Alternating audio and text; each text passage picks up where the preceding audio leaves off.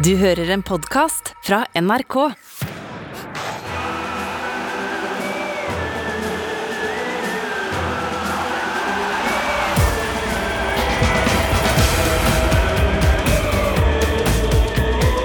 Dette er Heia VM.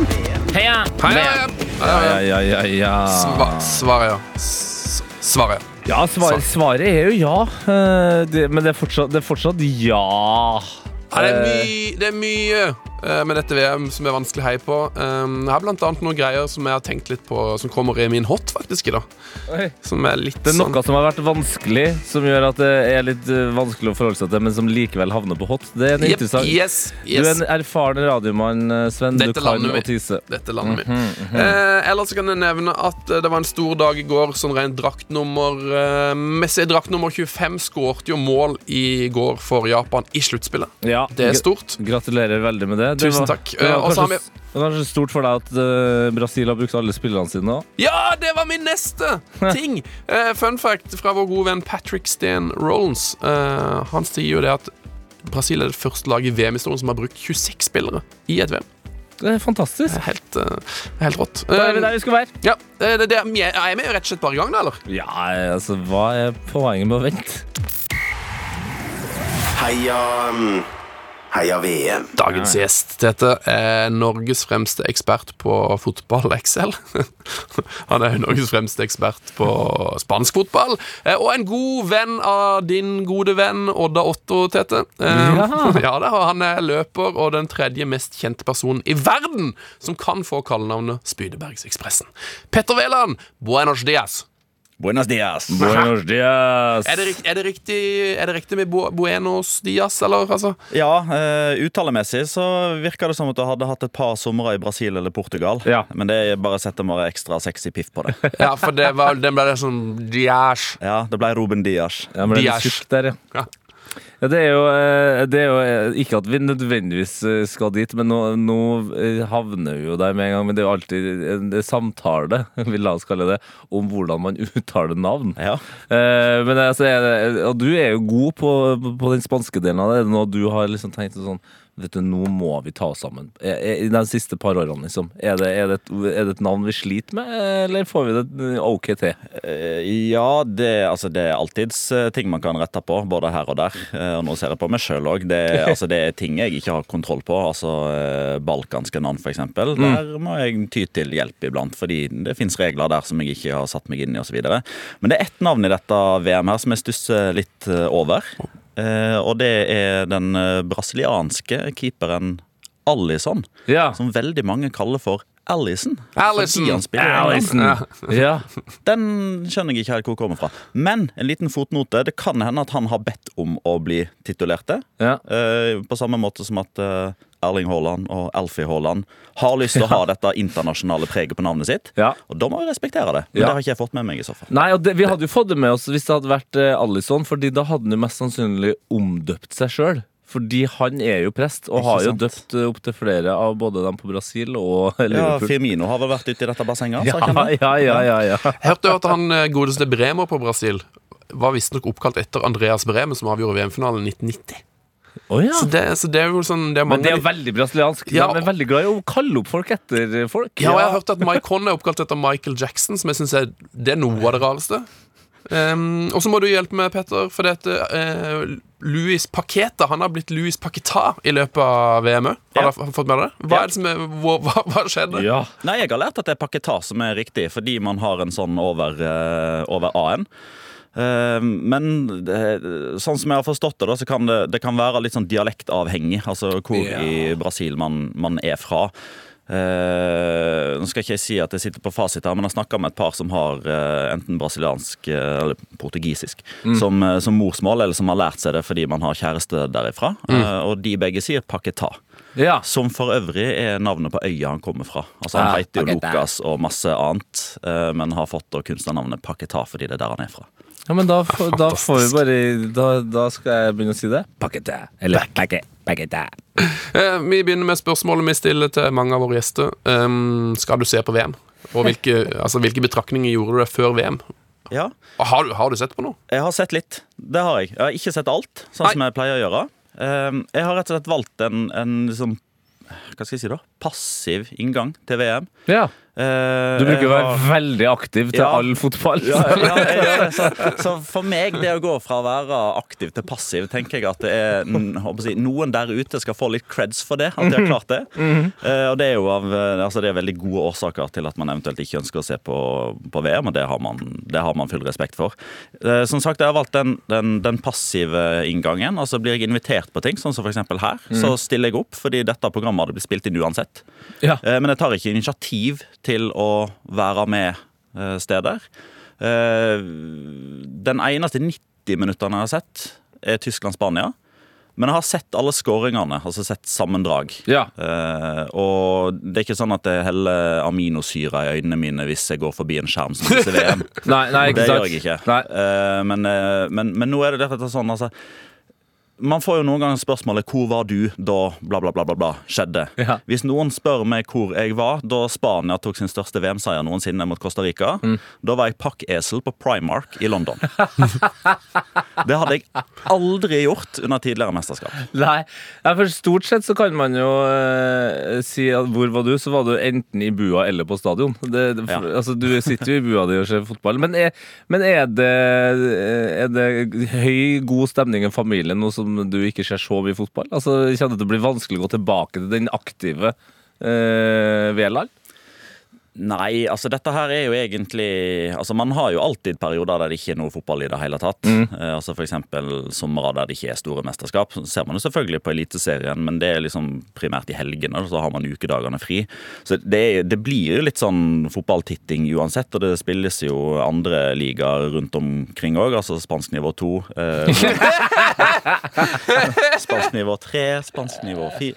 Eh, nei, men altså, vi, altså, vi i Viaplay har jo eksempel rettighetene til Women's Super League, og der skal jeg kommentere Manchester City og Manchester United til helga. Yes. Så jeg har jo sett de tidligere kampene der når de har gått. Uh, Chelsea-kampen der Guro Reiten var helt overlegen her nå, der, ja. sitter man jo og får med seg. Så eh, det var vel Arne Skeie som sa det, at det går alltid en kamp. Gjør det? Ja. Så, ja, for det er sånn eh, Det må man jo huske på. De som har valgt å ikke se eller boikotte eller sånn, sånn, sånn de, Det er jo ikke sånn at de går inn i et liv med fotballtørke.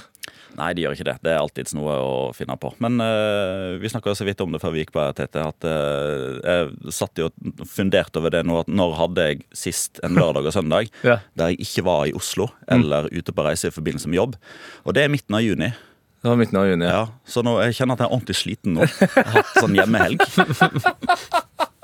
Det, det ryktes at hjemmehelgene kan være de tøffeste. ja. Rett og slett. Ok, men Så du har sett lite grann. eh, Først og fremst eh, høydepunkt. Um, Altså, men Det der er jo en overskrift i seg sjøl, at ikke du har sett Spanias kamper. Mm. Det er jo helt, det er jo helt um, unikt. det er imponerende. Hvor mange kamper med Messi har du sett? Eh, altså, som sagt, Den eneste 90 minuttene jeg har sett, er Spania og så har jeg fått med meg litt sånn Men altså, eh, hadde dette f.eks. vært eh, EM i 2021, da, så, så, så har liksom eh, altså, Min frue har blitt nevnt i eh, Heia fotballsammenheng tidligere, så lytterne vet jo at her er det en stor takk som skal rettes til henne. Ja. Eh, men nå er det liksom sånn at hvis, hvis Matheo, sønnen min, spør liksom, pappa har du lyst til å legge meg i dag, så kan jeg faktisk svare ja, det har jeg faktisk. Og jeg, og jeg kan. Jeg har lyst, og jeg kan. Og det er liksom sånn hvis eh, Altså Argentina-Australia, for eksempel, og da så jeg mm, Var det 16 eller 20 kamp? Det var vel en seinkamp? Det var en seinkamp, ja. ikke sant? mener. Ja, det går i Ja, hvert det fall for veldig meg. Men, ja, Men i alle fall den seinkampen den kvelden så var det liksom sånn, da så jeg første omgang. Mm.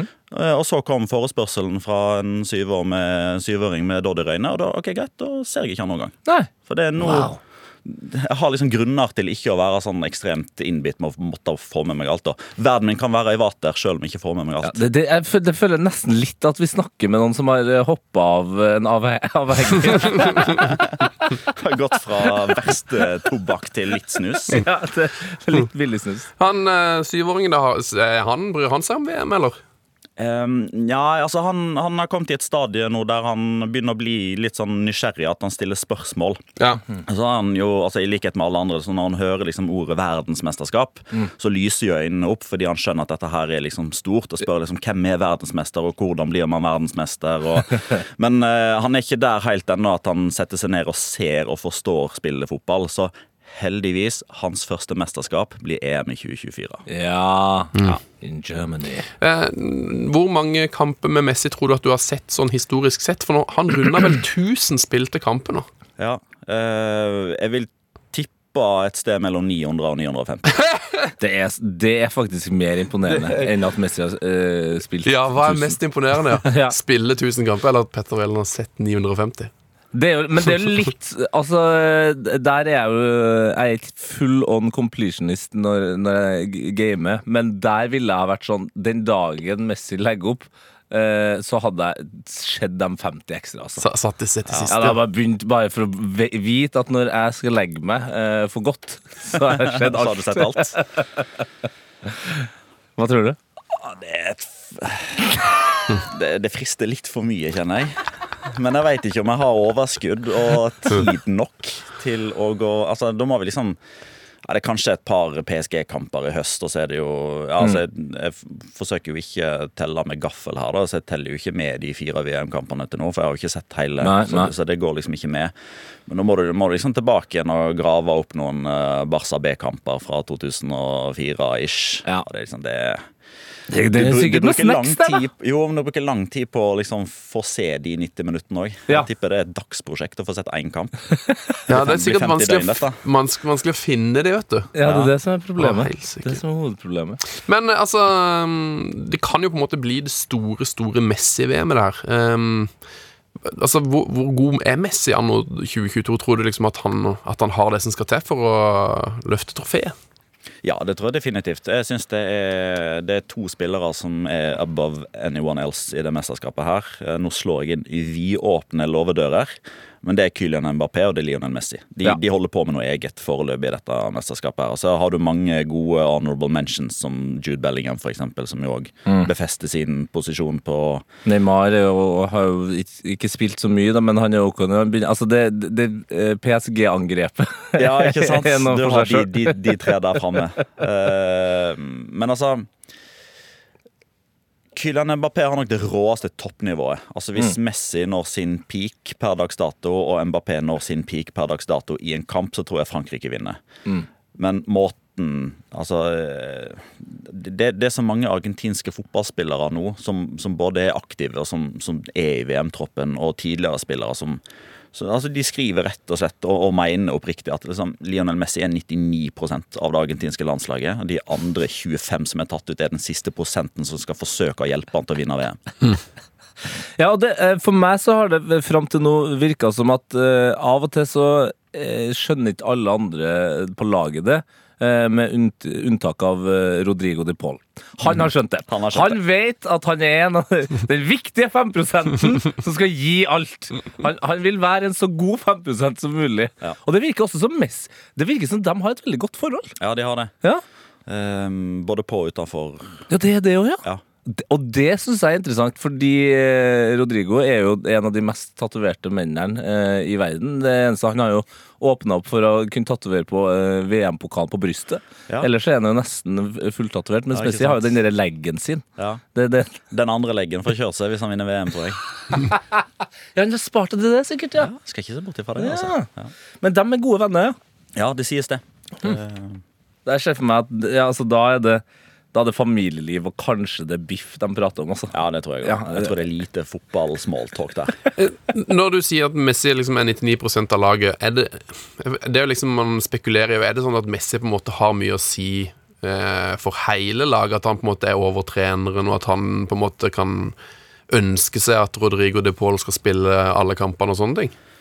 Det skal du vel ikke helt se bort ifra. Jeg tipper det er sånn som hadde liksom kommet til overflaten dersom Argentina hadde gjort det dårlig. Eh, Jeg husker det var jo en periode i Barcelona der man sleit, og da klarte man jo paradoksalt nok å gi skylda til Messi fordi han liksom tok ut laget og, Ja. og, og var liksom han var over alle andre, da. Ikke bare i form av hvor god han var, men òg at han, han dikterte og bestemte. Men jeg tenker det er liksom i og med at man har den figuren Messi, den karakteren Messi eh, Alle veit hvem dette er, hva han har oppnådd, hvor god han er. Det, sånn utenifra Og inn så virker det som det er helt umulig å ikke komme i en posisjon der hans mening faktisk er nødt til å bety mer enn alle andre sine. Eh, men det virker som at de klarte å finne balansegangen der. da. Eh, La Scaloneta, som Argentina bare kalles eh, for nå. Det er jo veldig vanlig nå at alle er om bord på skip, og som blir oppkalt etter treneren. Altså La Chavineta og La Bordaleta og Ja, det er det. Scaloneta etter Scaloni. Og der er det ingen som helst tvil om altså hvis, hvis Messi har lyst til at den båten skal gå til høyre, så går den til høyre. Men det er Scaloni som får lov til å Dra, dra det. ja, eller får lov til å styre roret. Han Ja. holder. Ja. Det er han som har den uh, deilige posisjonen. Ja, Det er litt sånn sånn når uh, ungene får lov til å eh, styre uh, skipet på en solskinnsdag. Det er litt sånn Du kan få lov til å holde i roret, men det er pappa som styrer, egentlig. Ja. Jeg bare nevner at det er såpass mye mas og haus rundt Messi i disse tider at Fifa nå har lagt ned selfie-forbud rundt Messi. Eh, For det er visst så mange journalister som vil ha selfies med, med Messi på sånn pressetreff og sånn, at Fifa har bare sagt Man må rett og slett sette opp sånn lappe at det, er det Det er ikke lov. Voksne mennesker. Voksne journalister. Yes. Så det er ikke bare Tror vi det hjelper, disse Jeg Post-It-lappene? håper jo det. Ehm, det, det time will show. Men det sier jo litt om hvor enorm uh, figur Messi er, altså. At til og med garva journalister som er i VM og på en måte bør skjønne dette systemet, til og med de faller for fristelsen. Eh, Spania i aksjon mot eh, Marokko i kveld. Eh, eh, det er jo noen unge, fine talenter på det spanske laget som altså Det høres litt dumt ut å kalle dem talenter, eh, men eh, basert på alderen deres Er det noen på det Spania-laget her som kan komme opp på det der Messi, Mbappé, Neymar-nivået om noen år? Det tror jeg ikke. Nei. Eh, nei, ikke av de som er landslagstroppen nå. Men, men det, er jo, det er jo først og fremst fordi Messi, Mbappé, Neymar De er jo eh, angrepsspillere. Og da tenker liksom Ferran Torres, Dani Olmo er liksom det Spania har å slå i bordet med nå. Altså, vi, vi skal jo et hakk lenger ned her. Vi skal til Gavi og Pedri. Ja. Eh, de kan nok komme opp eh, sånn i nærheten av en viss standing over tid, hvis utviklinga fortsetter og de klarer å holde det gående i 15 år. Oddsen for at de klarer det, er jo minimalt. For det er jo en grunn til at vi snakker om Messi, Mbappé og, eh, om, og Neymar. De, de skiller seg jo ut i, Ja. i verdenshistorien. De gjør jo det. Um, altså, Pedri tror jeg kommer til å bli en av verdens beste fotballspillere, om han ikke er det allerede. Ja, for Pedri, det føles ut Når jeg sier Pedri nå, så er det akkurat som hjernen min også blinker Savi. Det, Ja. måte- det, det, er, det har blitt det samme. Ja. Det er det samme å si Pedri eller Savi. Det er litt sånn, ja ja. Ja. Det, er, det er en av dem. Ja, det, det er dritgod i fotball. Ja. Ja. Eh, og Gavi i tillegg. Altså, han er jo kanskje enda mer sånn ekstrem. At han er litt høyere, litt lavere, litt mer høyre, litt mer venstre. Mens Pedri alltid liksom er solid. Du veit hva du får av han. Du, du måper uten å måpe. Altså, du, du ser at han gjør det, og så blir du litt overrasket. Ja, men det er jo Pedri, han, det, er sånn, det er det han gjør. Men det som er gøy med Gavi igjen, er jo at han- han virker litt gæren. Ja, Det, og det syns jeg Det har på en måte øh, Om man snakker om den gamle trioen, så er det sånn Ja, Busquets var jo Han var jo litt sånn muggen, mm. og kan fort være det. Eh, men Savi og Iniesta de var ofte litt sånn De holdt det liksom gående og, og gjorde det de måtte. Mens Gavi er altså så liten, men han skal alltid fyre opp andre Ja. som er større. Det, det kommer en eller annen litt sånn uh, uvøren takling. Det er litt deilig, det òg. ja altså Måten han eh, bretta opp ermene og forsøkte å ta Det var jo Goretzka i den. Spania-Tyskland. Altså, du har liksom Goretzka. Eh, Verdens sterkeste mann. Ja, altså muskelbunten. Altså, det, er jo, det er vel egentlig bare Gareth Bale eh, som kan måle seg med, med Leon Goretzka med sånn før- og etterbilder. eh, før og etter skade eller før og etter Ja. preseason. ja, for han la jo på seg meg nesten ti kilo med muskler når han hadde den skaden. Ja, og Leon, altså, etter hva jeg har hørt, altså Leon Goretzka er, altså, han er ganske sjuk i huet.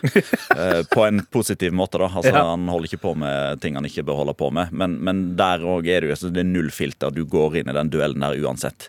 Og så kommer tolv år gamle Pedri som er 1,32 og bare banker på. Ja, nei, Det er utrolig gøy. Men hva med Ansu Fati, da? Eh, Har vi skrevet av Blir blir han bare Han eh, Altså, Barcelona har hatt mange av Ansi Fati-typen Ja. som eh, var gøyest på FM, og som eh, Ja. ja. gjorde det helt greit på eh, virkelighetens gressmatte. Jeg ser definitivt hvor du vil hen. og Jeg, frykt, jeg begynner å frykte at du får rett. Jeg tror ikke du får rett, men jeg begynner å frykte det. Fordi det som ofte har liksom vært sånn drepen for sånne store fotballtalenter, er enten at presset har blitt for stort, at de har bukka under, eller så er det skader.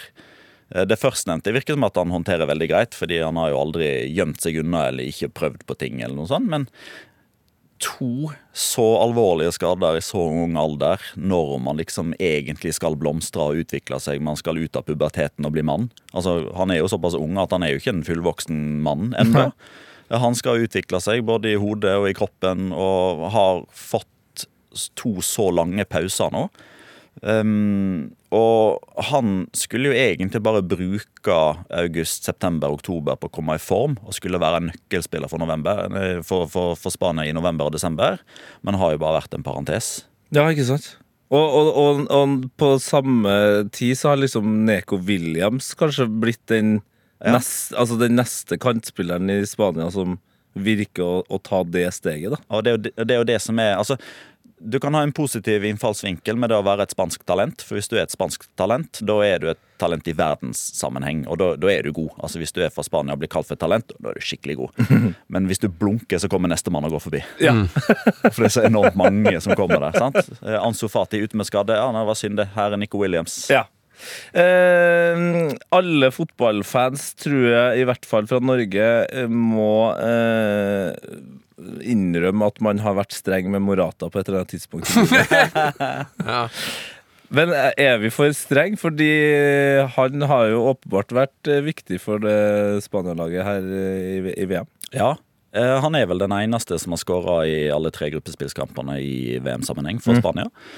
Um, og ja eh, Der òg er det sånn der eh, elsk-hat-variant. Enten så forsøker man å gå inn i en sånn der forsvarsposisjon og se på det han faktisk har levert, for det er jo det er jo faktisk ei veldig respektabel fotballkarriere han har klart å bygge seg. Absolutt. Eh, og så har du motparten som mener at han har verdens beste agent. Og eh, at eh, hvordan er det mulig og Men altså, han har jo, han har jo fått noe sånne vedheng da som han har liksom klart å, å skaffe seg sjøl. Eh, det er jo den der eh, Altså, han er, han er jo, så vidt jeg vet, den eneste som, som, som har skåra hat trick i annullerte varemål.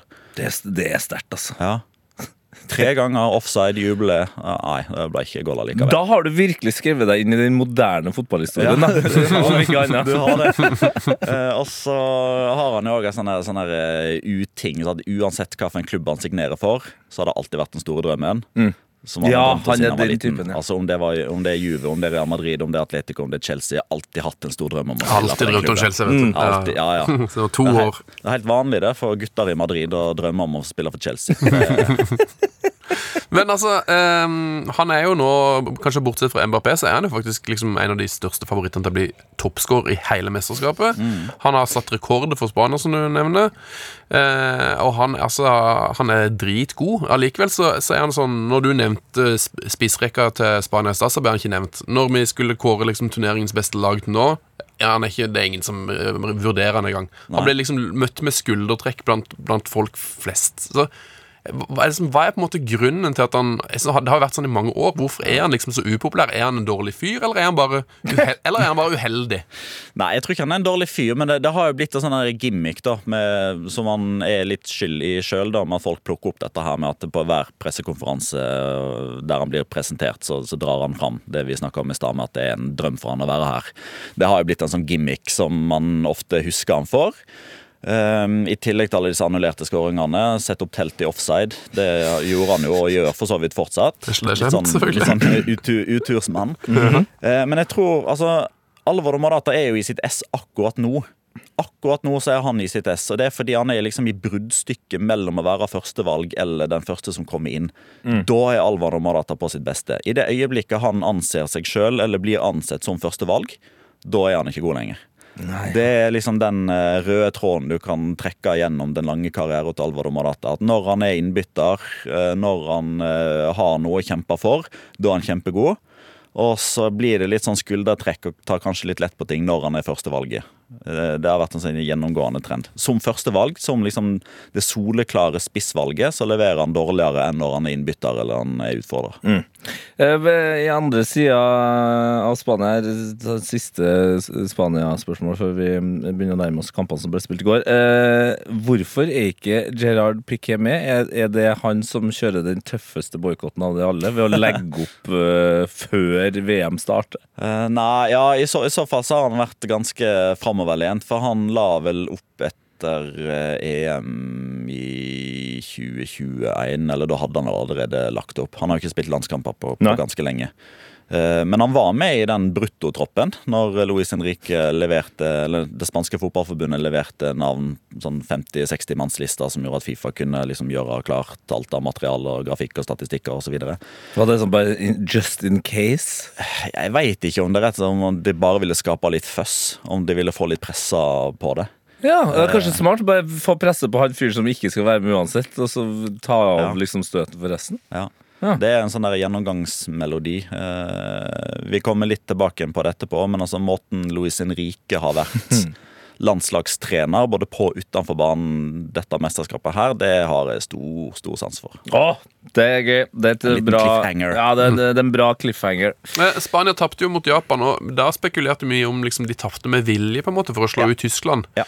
Eh, og at de tenkte kanskje at eh, det var greit å møte Marokko. Tror, tror du at det stemmer? Tror du de ville Ja. ha Marokko? Ja. Det, ganske, det var jo en teori som jeg trodde knallhardt eh, på. Det er faktisk eh, et av de bedre spillene jeg har satt i oddssammenheng noen gang. Fikk 21 i odds på at Japan vant gruppe og Spania ble nummer to før de to kampene der. Og det er jo helt åpenbart. 21 i odds, ja. 21 odds på at Japan skulle bli nummer én og Spania nummer to.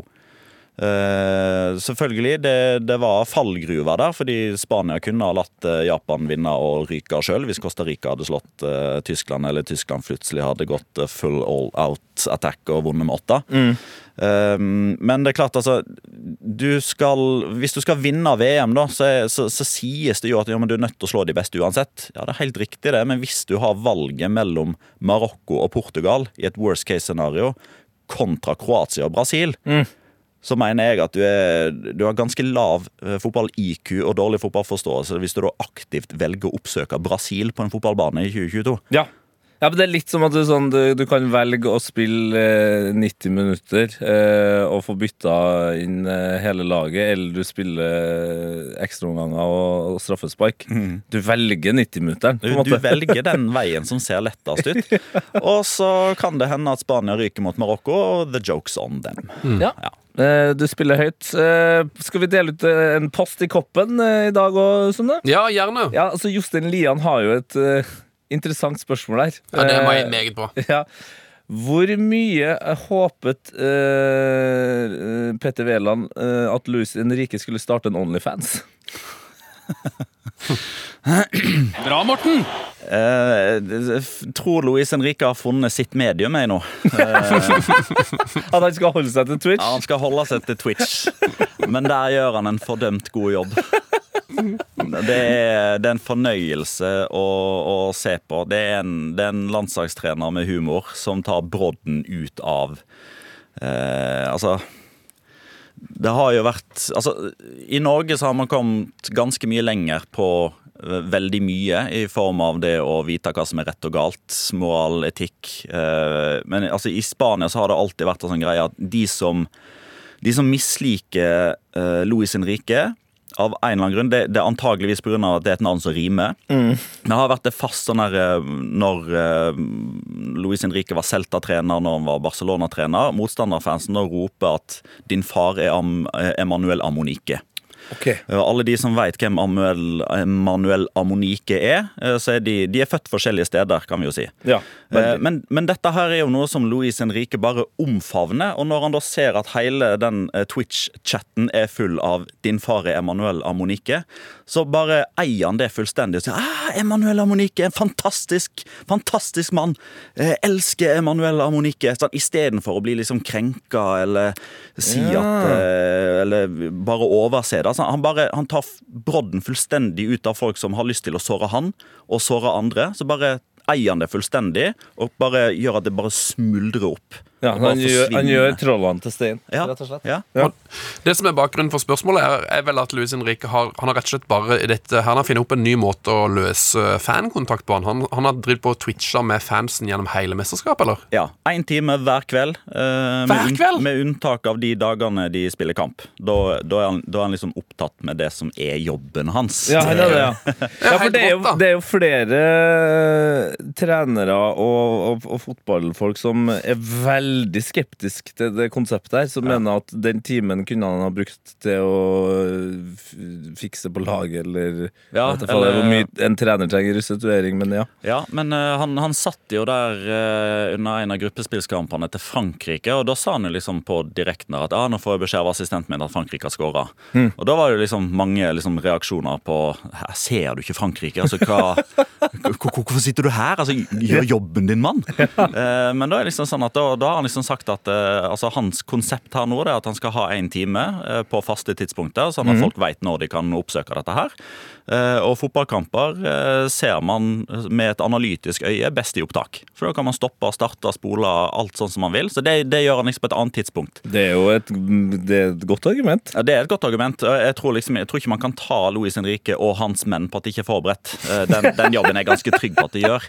Men, men, men det han gjør, da, er jo å fjerne liksom eh, Altså, det som ofte skjer i Spania under mesterskap, er at man, man finner opp liksom eh, eventuelle problemer eller mulige problemer. Eh, og så er det liksom ingen mulighet til å ta til motmæle. Det er ingen som kan liksom stoppe rykter eller si at dette er feil, eller ja, dette er riktig, eller forklare valgene sine, annet enn på disse veldig tørre og automatiserte pressekonferansene der det sitter journalister i flokk og stiller et spørsmål, og så skal det oversettes, og så har du lyd. eh, Og så simultanoversettelse til de 19 forskjellige språkene som sitter i salen. Det, det blir veldig sånn Det blir veldig annerledes. Mens eh, i disse Twitch-sendingene her så kan en jo sitte og utbrodere hvorfor han velger å sende hjem José Luis Gaillard med en skade som setter han ut av spill i maks 30 av mesterskapet, og hvorfor han henter inn Alejandro Balde som erstatter. Han sitter og, og forklarer hvorfor han fortsatt lar Unai Simon spille ut ballen kort, selv om det nå har gitt minst to baklengsmål som kanskje framstår som unødvendig. Forklarer fotballfilosofien sin, kan ta litt brodden av, eh, av ting som, eh, som, som liksom kanskje kan oppfattes som litt sånn kinkig, da, fordi man har jo en situasjon i den spanske landslagstroppen der Ferran Torres dater dattera til Luis Henrique. Det er jo spesielt. Det er spesielt, eh, og da, da får han jo eksempel spørsmål Og det er jo noe sånt der, sånn som bare fjerner presset fra hele den spanske spillergruppa om at alle sitter og ser på Luis Henrique, og mm. lar liksom resten av troppen liksom jobbe i fred. Eh, Og Det er jo òg et annet høydepunkt fra sånn Twitch-karrieren til, til Luis Henrique. Det er jo Han fikk jo spørsmål hva skjer hvis Ferran Torres tar en sånn der eh, smukkefeiring. Ja, det er veldig gøy. Svigerfar! Da uh, ble det vel sagt noe sånn at han, da får han ikke sette sin fot på en, gress, på gressmatte på ganske lang tid. Så det, det er en liten sånn, eh, liten sånn skjult melding om at han er ikke klar for å bli bestefar helt Nei. Og i hvert fall ikke få, få beskjeden etter en scoring. Nei, ikke sant? Det er kanskje litt at han, har lyst til å få litt beskjed før alle andre. Ja, Ja. det høres smart ut. Ja, Luis Henrique, altså. Det er helt uh, For det funker jo, det greiene her. Ja, ja, definitivt. Det, det satt 640 000 og så på den første Twitch-sendinga. Det er meg Eh, helt og Det er rått. klart de har litt flere å ta av, og det er jo òg et uh, altså, Dette er jo et segment som, som egentlig alle som behersker spansk, kan sitte og følge med på. og Det er jo ganske mange hundre millioner sånn overall. Eh, og så skal det sies at Twitch som plattform har kommet ekstremt mye lenger i Spania enn f.eks. i Norge. Ja. Eh, skal vi gå rett på gårsdagens kamper, Sunne? Ja, det vi kan gjøre er at eh, vi sender post i koppen til Jostein Lian. Ja. Eh, vi kan også sende en post i koppen til Morten Garberg, for han har et spørsmål som eh, gjelder gårsdagens kamper. Em, og Morten og Jostein må sende adressen til heiafotballkrøllalfa.nrk.no, så kommer det post i koppen. Men Morten Garberg, eller Teddy Q underscore Q, som han kaller seg på Twitter, han sier morgendagens not må være Tete Lidbom som skal begynne å gi gul kort for feiring med dans. Det skal jo hylles, selvsagt.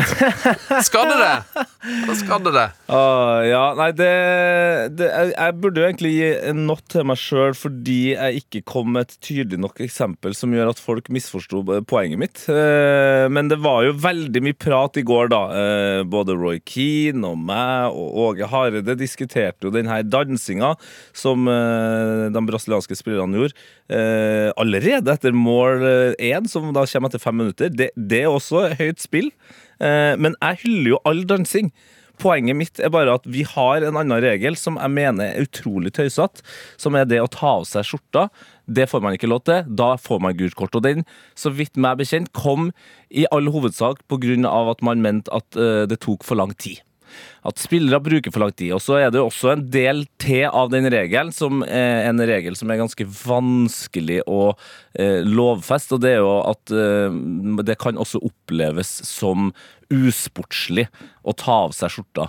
Eh, men da vil jeg jo si at det kan også oppfattes usportslig å feire et mål med en dans. Eh, Tre, tre danser. Tre danser jeg etter hvert eh, også ta med chiche på dansen, men også vente på at alle skal få lov til å være med på dansen, for det tok jo veldig lang tid. Så det var mitt poeng. Skal man få gult kort for å ta av seg eh, skjorta, som jeg mener er den mest naturlige gledestingen man kan gjøre, det gjør jeg òg hver gang jeg blir dritglad. Da river jeg av meg på overkroppen. Eh, så bør man også få gult, for, gult kort for å danse. Så jeg mener ikke gult kort på noe av det. Bare la folk være glad. Det er jo det som er fotball. Hva tenker du, Velland? Altså, eh, du har en mye bedre sak nå enn før du begynte å prate. Ja. Du begrunner det godt, definitivt, for en som, uh, som ikke helt skjønte konteksten før det ble forklart her nå. Eh, jeg er jo helt enig i at, uh, at det må være lov å uttrykke følelser etter at man har skåra mål. Altså, målet altså, Det er jo det alle jakter. ikke sant? Det er jo det som er øyeblikket når man Ja. skårer mål. Det er da man kan eh, slippe alle følelser fri. Og, og spesielt altså Konteksten her òg er jo at uh, Venicius har jo vært veldig i, eh, i, i, i stormen i Spania fordi hans dansing har blitt oppfatta som provokasjon. Eh, og så har jo folk sagt og meint ting om Venicius som er helt forkastelig fordi han er glad og jubler for å skåre mål. Og da var det jo veldig mange brasilianske landslagsspillere som eh, helt riktig liksom tok hans parti og sa at det, det å danse etter skåringer er kulturell greie. Det er sånn vi gjør det i Brasil. Altså, det sant? altså Hvorfor skal man ikke gjøre det? Og da er det jo ingen bedre scene enn et verdensmesterskap da, å vise at eh, vi er fra Brasil, vi leder 1-0, vi danser, for vi er glade. Ja, og det som Åge påpekte i studio i går òg. Altså, han vil jo heller ha en tropp hvor folk samles for å danse etter et mål. Det viser jo eh, samhold. Det vi, viser jo at alle er glad for det målet. Og det var jo flere av Brasils mål i går som der veldig mange er involvert. Så selvfølgelig skal de få lov til å, å danse og kose. Ja, ja, definitivt. Men altså, det er liksom, det, det er én ting med dette her som jeg mener kanskje kan gi gult kort. Og det er jo hvis man har sånne politiske budskap under drakta. Hvis, hvis det er det som er formålet med å rive av seg trøya.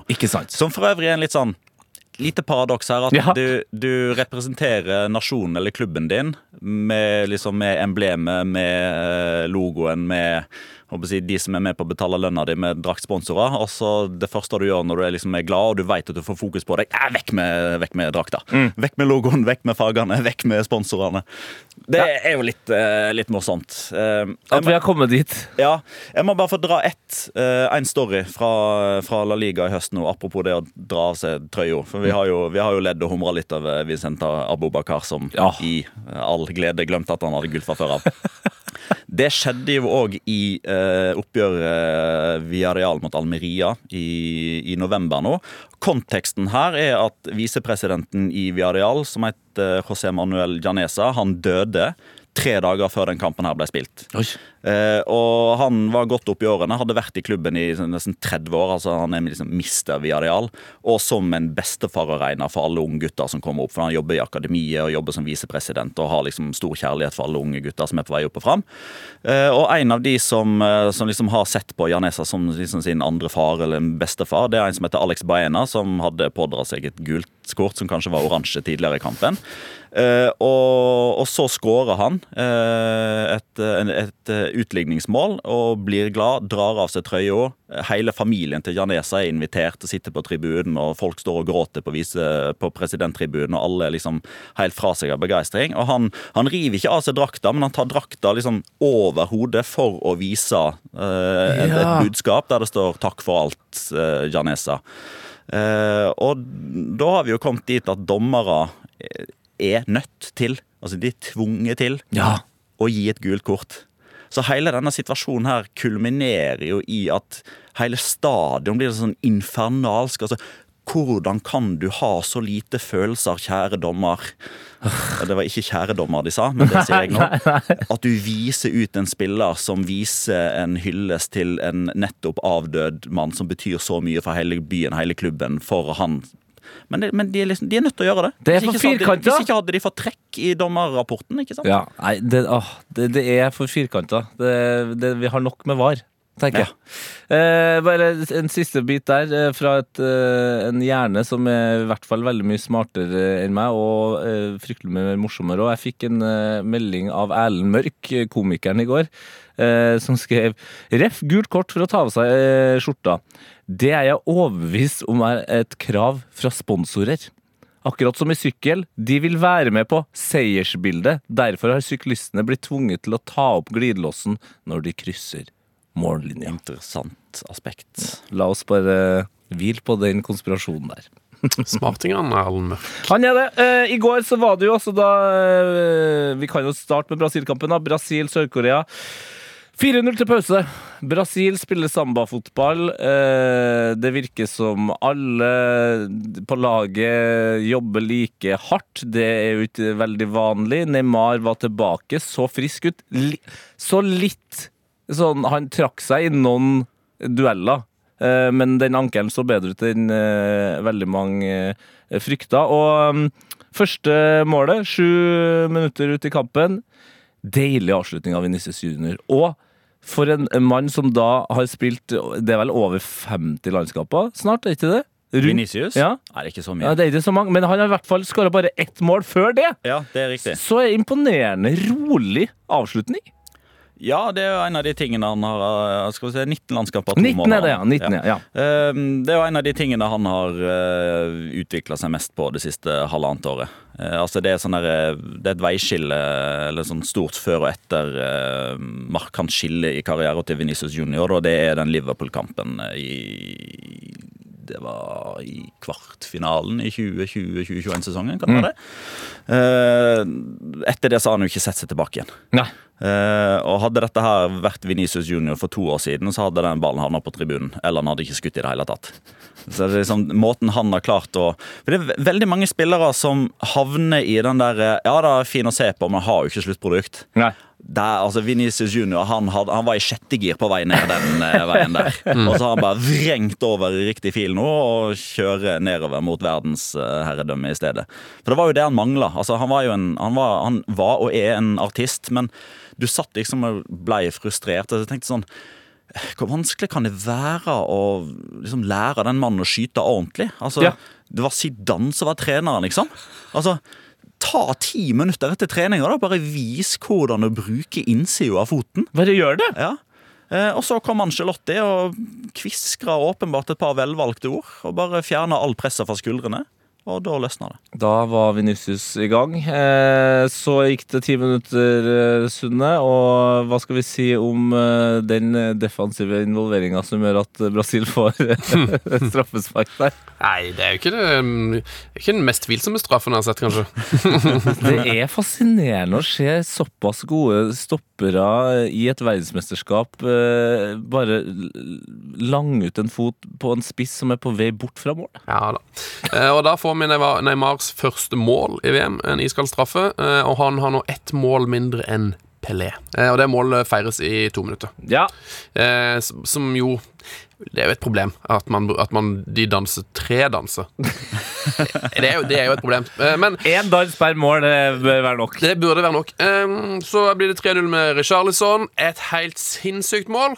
Ja, fy fader. Ja, det var rått. Altså der, det, var, det, var, det var nostalgi, det var ekte eh, Brasil-samba.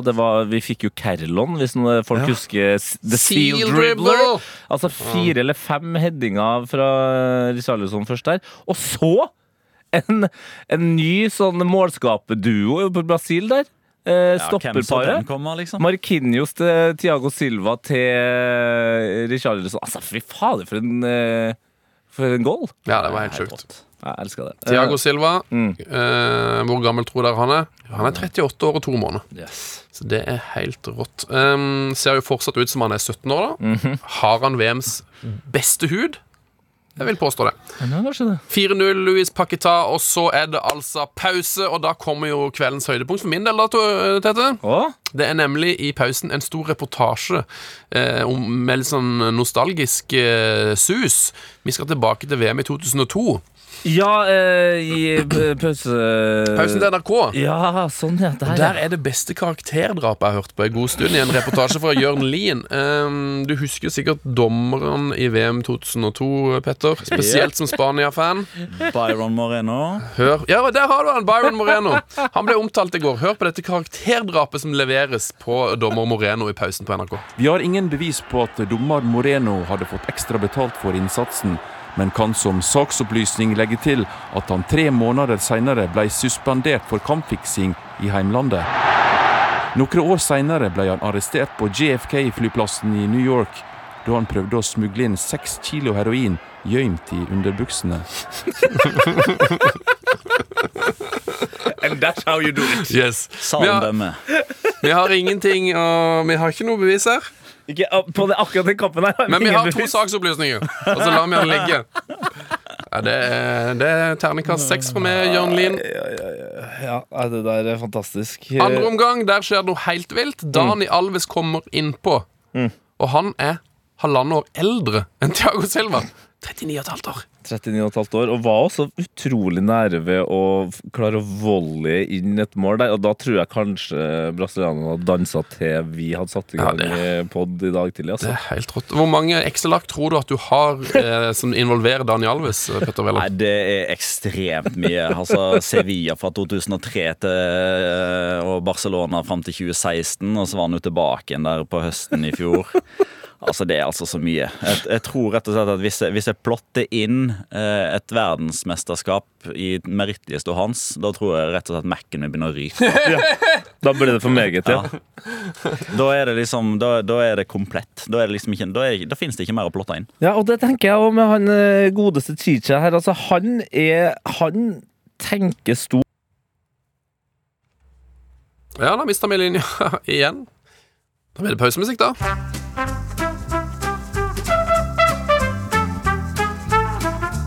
Hallo. Bra, Morten! Hallo. Eh, og den, Hallo. Hallo, ja. Hei. ja der, der er du tilbake, igjen. Der fikk dere pausemusikk igjen. ja, ja, ja, det er fint, det. Eh, vi snakka om Daniel Alves når jeg forsvant. Ja, og vi snakka om Daniel Alves. da. Vi snakker, du fikk ikke med deg målet, du da, kanskje? Nei, nei, nei. Nei, nei, ok, greit. Vi snakka om at Pike skåra et fantastisk mål, men at det som er mest utrolig her, det er hvor god Alison er. Ja, ja, Og da, hadde, altså, du, da gikk du glipp av egentlig en av de vakreste øyeblikkene i hele Fotballs historie, hvor Petter Wæland stirrer tusenmetersblikket ut av de tjukke veggene her på Marienlyst for å komme på et nytt superlativ. Klarte du å komme på et nytt superlativ? Jeg gjorde egentlig ikke det. Altså. altså Det er jo umulig. ja.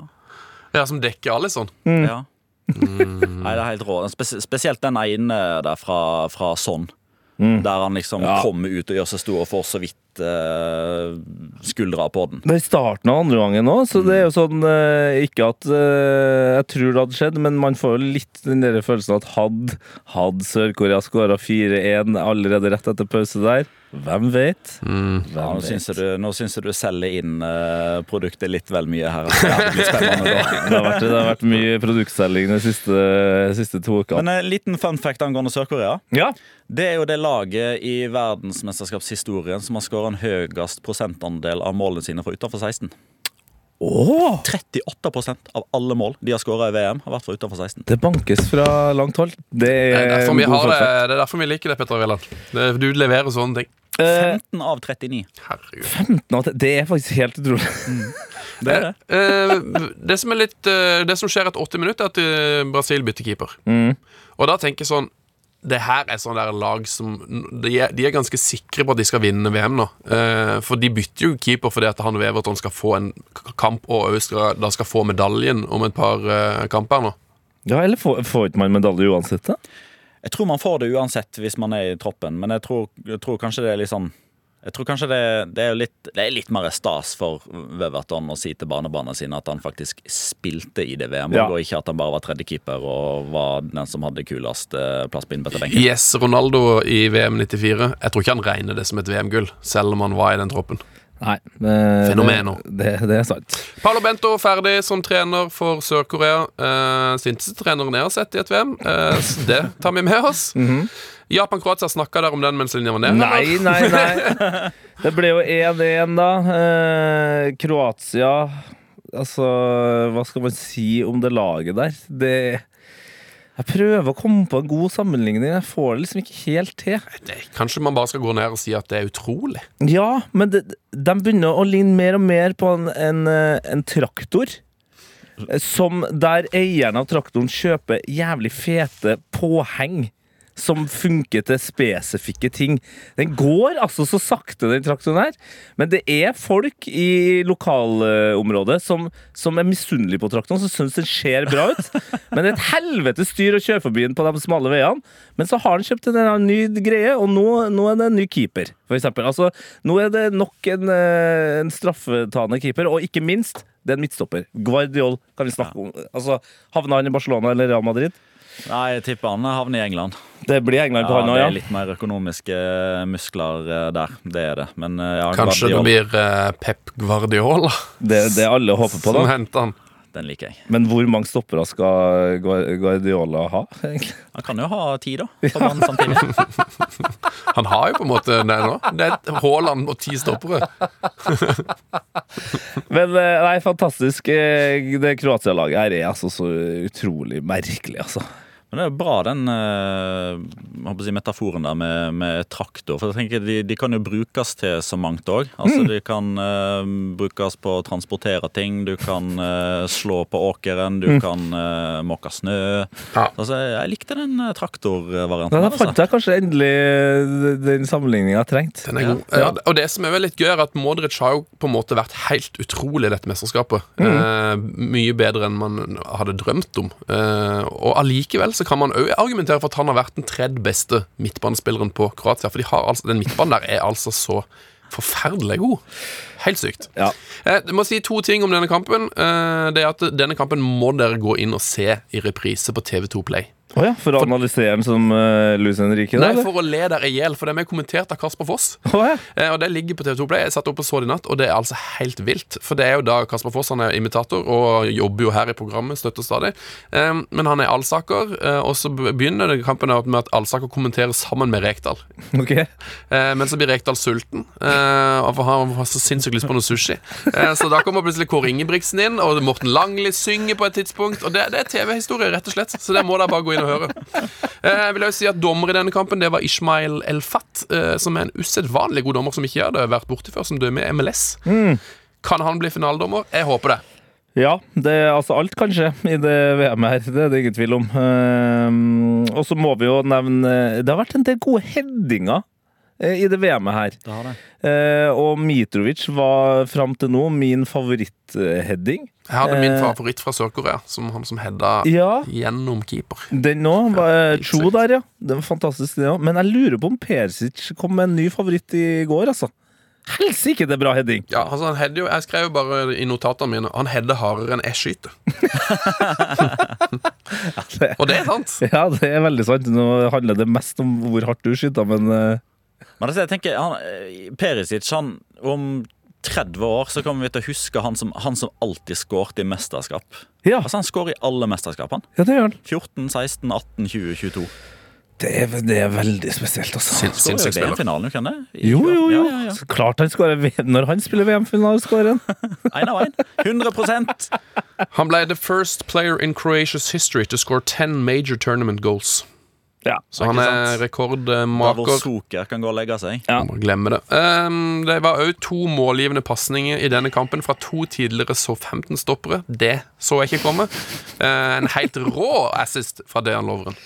Ja, den var helt uh, nydelig. Uh, kampen endte jo da selvfølgelig med straffespark, som sikkert alle har fått, seg, fått med seg. Og Minamino, Mitoma og, og Yoshida, dem bør ta en ekstra runde på hvordan de tar straffespark. Yes. Det er litt artig dette med at det er lov med ti bytte. eh, I dette VM-et, for Det betyr jo at straffekonkurransen blir jo enda mer random. For nå er jo nesten alle de beste spillerne som regel bytta ut. Ja, Uh, Så det er noe Ja, det er veldig ofte off offensive spillere som blir bytta ut òg. Ja. Men for liksom Japan sin del igjen, da, så er det omvendt. For han starter jo alltid med de beste angrepsspillerne sine på benken. Ja, ikke sant? Så det var derfor vi fikk Minamino, Mitoma, Asano og Yoshido da kommer jo også inn. Altså det, nei, det er spesielt. Det er Eh, spesielt. Vi tar for oss de neste kampene. I dag klokka fire. Marokko, Spania. Den har vi snakka masse om, men eh, er det noe vi må nevne der, Petter? Det er jo litt sånn eh, bakteppe her og da. Ikke, ikke helt sånn Sveits-Serbia, det er det ikke. Men det er jo en, eh, det er en veldig stor marokkansk eh, befolkning i Spania, Ja. spesielt i Madrid. Eh, Du har jo Ashraf Hakimi, blant annet, som er født og oppvokst i Madrid, som representerer det marokkanske landslaget. Du har ganske mange spillere som på et tidspunkt enten har vært eller er i en eh, spansk klubb. Du har jo de to spanske eksklavene Ceuta og Melilla, som jo per definisjon ligger på marokkansk territorium, men som tilhører Spania. Så det, er- det er ganske mm, Jeg skal ikke si at det er betent, altså. Det er det ikke. Men eh, det ligger et bakteppe her. og ikke minst at de møttes i VM for fire og et halvt år siden òg. Det var jo en kjempekamp. 2-2. Jago Aspa som utligner helt på overtid der. Ikke sant? Og det marokkanske laget her, det er, det, det er ikke dumt. Nei, altså, de, de begynner å vokse fram som litt sånn sånne kjæledegger som eh, presterer litt bedre enn hva vi kanskje trodde. Ja. Eh, Amrabat på midten. Åh! Helt fantastisk. Fader, han er god. Ja. Og altså, eh, I La Liga Loca-podkasten så har jo vi ofte titulert Josef Enesiri som enten verdens beste dårligste spiss yeah. eller verdens dårligste beste spiss. og sånn som han holder på nå, så er han i ferd med å bli verdens dårligste beste spiss. Ja.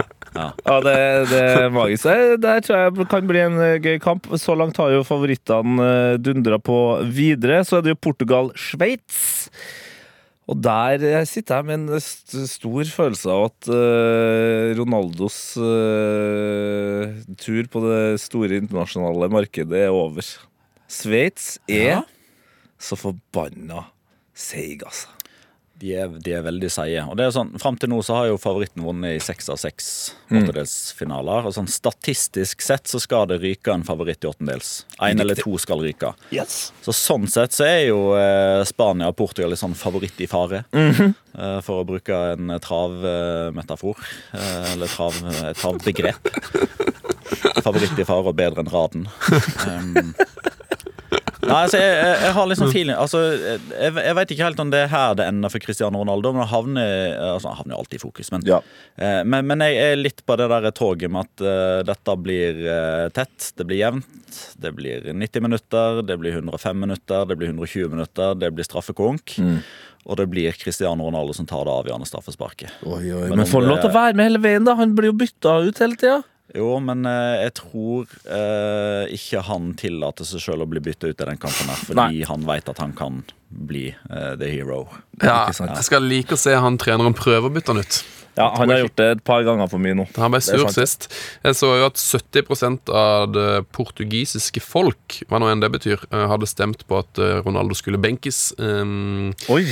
Så det, det er jo sikkert det lureste, da, å bare la Bruno filleriste eh, de sveitserne og så la CR7 komme innpå, men Alle skjønner vel at det er det beste, bortsett fra Cristiano Ronaldo sjøl. Og han, det er han som bestemmer. Det er han som styrer den sjappa da Ja, altså, men jeg bare tenker Grunnen til at jeg har så føling på, på Sveits, her, er at er det ett lag som kan få eh, Ronaldo, Bruno og Cancelo til å, å, å bli grinete, så er det Sveits. Sjaka og resten av gjengen. Ja. Jeg tror det kan bli veldig dårlig stemning i den kampen, og det, jeg setter pris på en god MMA-kamp. Ja, altså, jo, jo, jo mer jeg tenker over det, jo større er vel sjansen for at det blir eh, Fabian Skjær i sjøen for uh... Oi! Bra, Morten! Bra, Morten! Der, ja.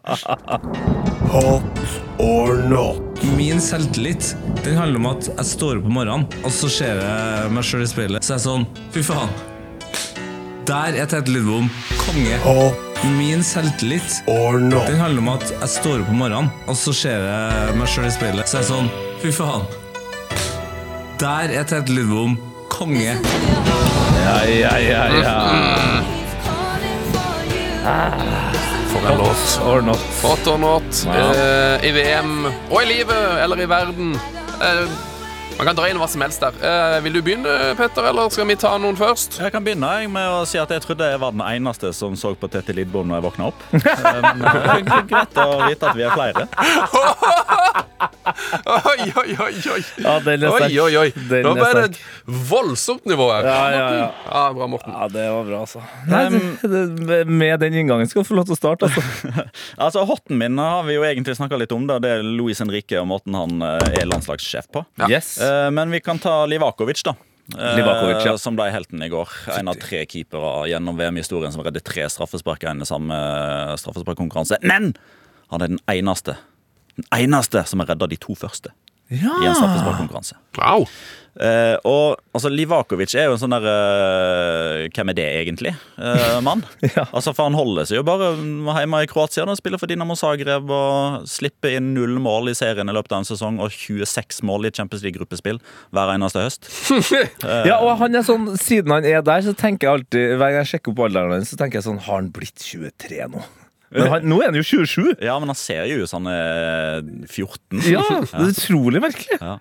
Nei, så han tar hotten min, altså. Livakovic. Eh, min hot eh, er noe så utrolig som en engelsk fotballfan. Det er sjelden engelsk fotballfans er noe annet enn eh, litt irriterende brødlaper med enten eh, krigs... Eh, altså korsfarerkostyme eller løvekostyme. Men i går så var det en eh, israelsk reporter som eh, samla en guttegjeng som eh, virka å ha funnet en kilde til øl, og var veldig glad etter at England gikk videre. La oss høre på det intervjuet. first question. Is it coming home? it's coming home. It's coming home. Det er knallhardt! Det er knallhardt. Det er imponerende knallhardt. Det er kanskje sånn en engelskmann skal bruke sin uh, overskuddsenergi. Det Ja. tenker jeg. Nei, jeg er i hvert fall imponert. Det har vært røft VM for han der israelske reporteren. For han går tydeligvis live hele tida. Ja. Og når den første, det, det her gikk viralt helt i begynnelsen av, mesterskapet, så hadde det bare spredd seg. Så han, det, alle intervjuer han gjør, de avsluttes med at noen roper 'Free Palestine' til han. Så han har virkelig lidd seg gjennom VM, altså. Hva er din hot, eh, Sune? Ja, Min hot er litt rar i dag, eh, for det er faktisk Miss Croatia. Eh, egentlig, ikke så glad i sånn der eh, Det er jo alltid sånn der tribune-babes. Det er jo liksom en greie i VM. Det har ikke vært så mye av det i dette VM her. Eh, for dette er jo et VM hvor det har vært færre kvinner enn vanlig på tribunen. Og det er jo òg i et land der kvinner nesten ikke har lov til å gjøre noe som helst uten tillatelse. Det har vi ikke snakka så mye om. De får i hvert fall ikke lov til å ta av seg skjorta. nei, de får ikke lov til å gjøre de, Eller de kan få lov, hvis du har en snill uh, mann som bestemmer over det. Men du har, Ja. du har liksom ikke lov til å gjøre noe som helst sjøl, egentlig. uh, ja. uten å få tillatelse. Uh, men i et sånt, med et sånt bakteppe da, så er det jo da altså ei dame som virkelig har gått all in i dette VM, og det er Miss Kroatia. Ei dame som har det litt morsomme navnet Ivana Knøll. Hva sa du nå? Hun heter Ivana Knøll. Nei. Jo. Det jo det høres jo ut som en eh, Austin Powers-karakter. ja, men- Ivana Knøll. Eh, men hun har altså fått en million nye følgere på Instagram eh, etter at hun har vært på tribunen i Qatar. Hun har rett og slett bare bestemt seg for at hun skal bli kjendis hun nå. ja. Og hun har altså gått viralt i, på omtrent alle kamper. Hun, er, hun er bare går rundt og er viral nede i Qatar der. Um, og da er det jo også spesielt bildene av liksom smilende eh, qatarere da, som driver og knipser i vei mot henne, som har gått veldig viralt. For det er bare sånn sjekk dobbeltmoralen her, de sitter og koser seg. Men nå er det en, en qatarsk uh, uttalelse her som sier at de, det ikke, de knipser ikke i vei fordi at hun er så vakker at det, det er en forlyttelse for øyet. Nei, nei, nei. De tar bilder av henne eh, og koser seg, for dette, dette er håning. De latterliggjør henne Å, med, ja. med å ta bilde. De gjør det, Så det må de ikke tvile på. OK. Nei. Så dette, dette er ikke noe kvinnekamp, eller noe, dette er bare latterliggjøring. Kjempetaktikk. Så Det det, er min hot, er utrolig nok. Altså, Ayovana Knøll, Ja, det som jeg syns har, satt spor- som jeg synes har satt spor. Det er imponerende, Sune. Takk. Eh, din eh, not, eh, Veland? Jeg bare, bare ser for meg sånn sitcom og der hun sjekker inn på et hotell i Norge. Ja. Hun og Jon Arne Riise i sånn gammel, i sånn Karl og Co. en s- sesong fem. Ja, kanskje best også på eh, Dovre eller Innlandet. Så jeg, jeg, heter du Knøll, eller er, det- er det bare tøll? Jeg, er blitt skada. Hotell på Lillehammer, ja. Ja, ja, ja. Nei, altså, Notten min er jo eh, Skal vi kalle det for litt sånn populistisk, da? Altså, dette her, altså Jeg skulle jo egentlig ha kommet i studio på morgenkvisten her i shorts og T-skjorte. Mm. I stedet for så går jeg og hutrer og fryser og en tredjegradsforbrenning på fingrene. Ja, det er Eller ikke forbrenning, det er motsatt. Ja. Frostskader. Ja, Hvis ikke du har brukt sånne knekkeposer som eh, gjør at det blir varmt i, i, Ja. i hansken. Ja. Nei, og liksom hele den, der, hele den feelingen som altså Nå snakker jeg bare for meg sjøl, da. Men, men det der at eh, man ikke har gleda seg så mye som man pleier å gjøre. Eh, at man ikke kan eh, Altså gjøre den vanlige researchen og sette opp eh, fantasy-lag og kjøpe Panini-klistremerker. Det har liksom Ja, det er VM, men det er ikke VM. Det er, ikke, det er feil farge. Feil lukt og feil farge. Ja. Var det DumDum Boys som eh, sang det en gang da, kanskje? Ja, og Ja. De tar jo feil i den sangen, for de sier det fins ikke piller mot uh, møkkete vanntette. Men gjør det det? Det fins det nok. Du kan kjøpe sånne klortabletter som du kan hive i bassenget for, eksempel, for å rense vannet. Ja, men Da har det det vært en utvikling, det har vært større utvikling der enn i VM. da Ja, ja, VM har gått helt andre veien. Erling Haaland driver jo og renser drikkevannet sitt. Ja, ja, ja. Veldig opptatt av å drikke. I den kofferten sin. Det er helt rå. Hei, Erling, hvis du hører på. Um, nei, den er god. Mm, det er veldig god not. Skal jeg ta min, da? Ja, ta din. Min not er eh, noe vi har hata på før i eh, Heia Fotball. Mang en gang. Eh, til og med i en norsk landskamp i var det Aserbajdsjan, eller hvor det nå var. Oi. Men min not, ja, det er grønn spray. Grønn spray. Ifølge Daily Mail så har en del eh, spillere klaga på grønne malingsflekker på draktene etter kamp. Mm. Og det er fordi at arrangørene visstnok har spraya litt eh, grønt på gresset for at ikke du skal få brunt gress på TV-bildene. Ja, det er jo Men man så jo jeg tror det var allerede dag tre der, så så man at ei, ai, ai, ai, her, det, det er noe gressmatte her som eh, ikke skjønte hvor mye de skulle jobbe Ja. i desember. Men det er jo det litt av problemet med å ha VM i ørkenen, da. Absolutt. Eh, Min not kommer via en mail vi har fått fra Emilie Løberg, som påpeker en eh, god, eh, god ting, skal jeg si. Altså, hun påpeker en feil vi har gjort, da. Og det er jo for andre gang vi farer med løgn. fordi- Minst. Minst, ja. Men det er jo for at vi er Idioter. Ja, vi er to idioter. Vi sa jo da at uh, Olivier Giroud nå er den mestskårende franske landslagsspilleren, uh, og hoppa over mannlige, fordi han er jo selvfølgelig den mestskårende mannlige franske landslagsspilleren. Ja, ja, ja. ja. eh, det er vel Den som har rekorden eh, for kvinne, er jo Eugene Lesommer, som besitter rekorden eh, med 86 mål. Ja, Helsike. Så Giroud og Mbappé har en lang vei å gå.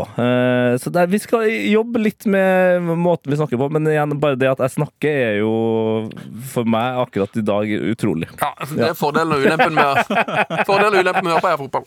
Det er fordelen og ulempen med å høre på Heia Fotball. Fordelen er, for meg er at jeg kan alltid gjøre sånn her, og bare sette på litt musikk. Da er det ikke så farlig om man ikke kan snakke! Ja, ja, ja, ja, Sunne. Da er vi ferdig. Da er vi ferdig. Petter Veland, for en legende du er. Pepp Veland. Pepp Veland. Eh, Du får ha god tur tilbake til Spielberg.